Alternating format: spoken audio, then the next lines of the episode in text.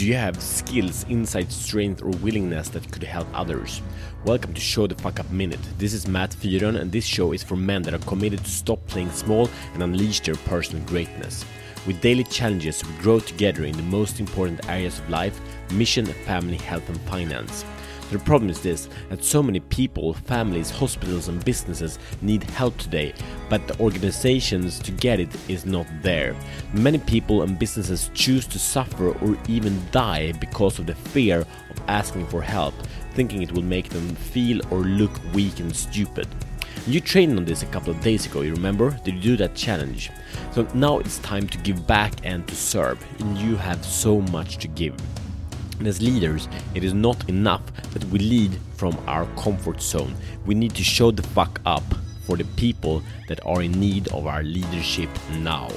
A leader does whatever is needed to achieve the desired outcome, and when he doesn't know what to do, he figures it out by himself or with the support of others.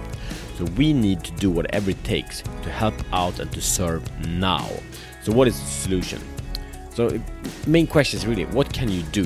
So in these times of corona, people need food, they need someone that listens to them because maybe they have anxiety or they're depressed or they just need someone to chat to. And maybe just someone that believes in them uh, and maybe someone that walk their dog, I don't know.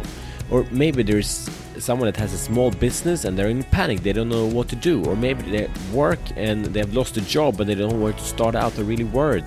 And maybe we can start a local project, bring a group of people together and do brainstorming of finding local solutions. There's so many things to do and if you don't know, reach out. Ask people what they need and give it to them. So your service is needed now, so here is your challenge if you choose to accept it.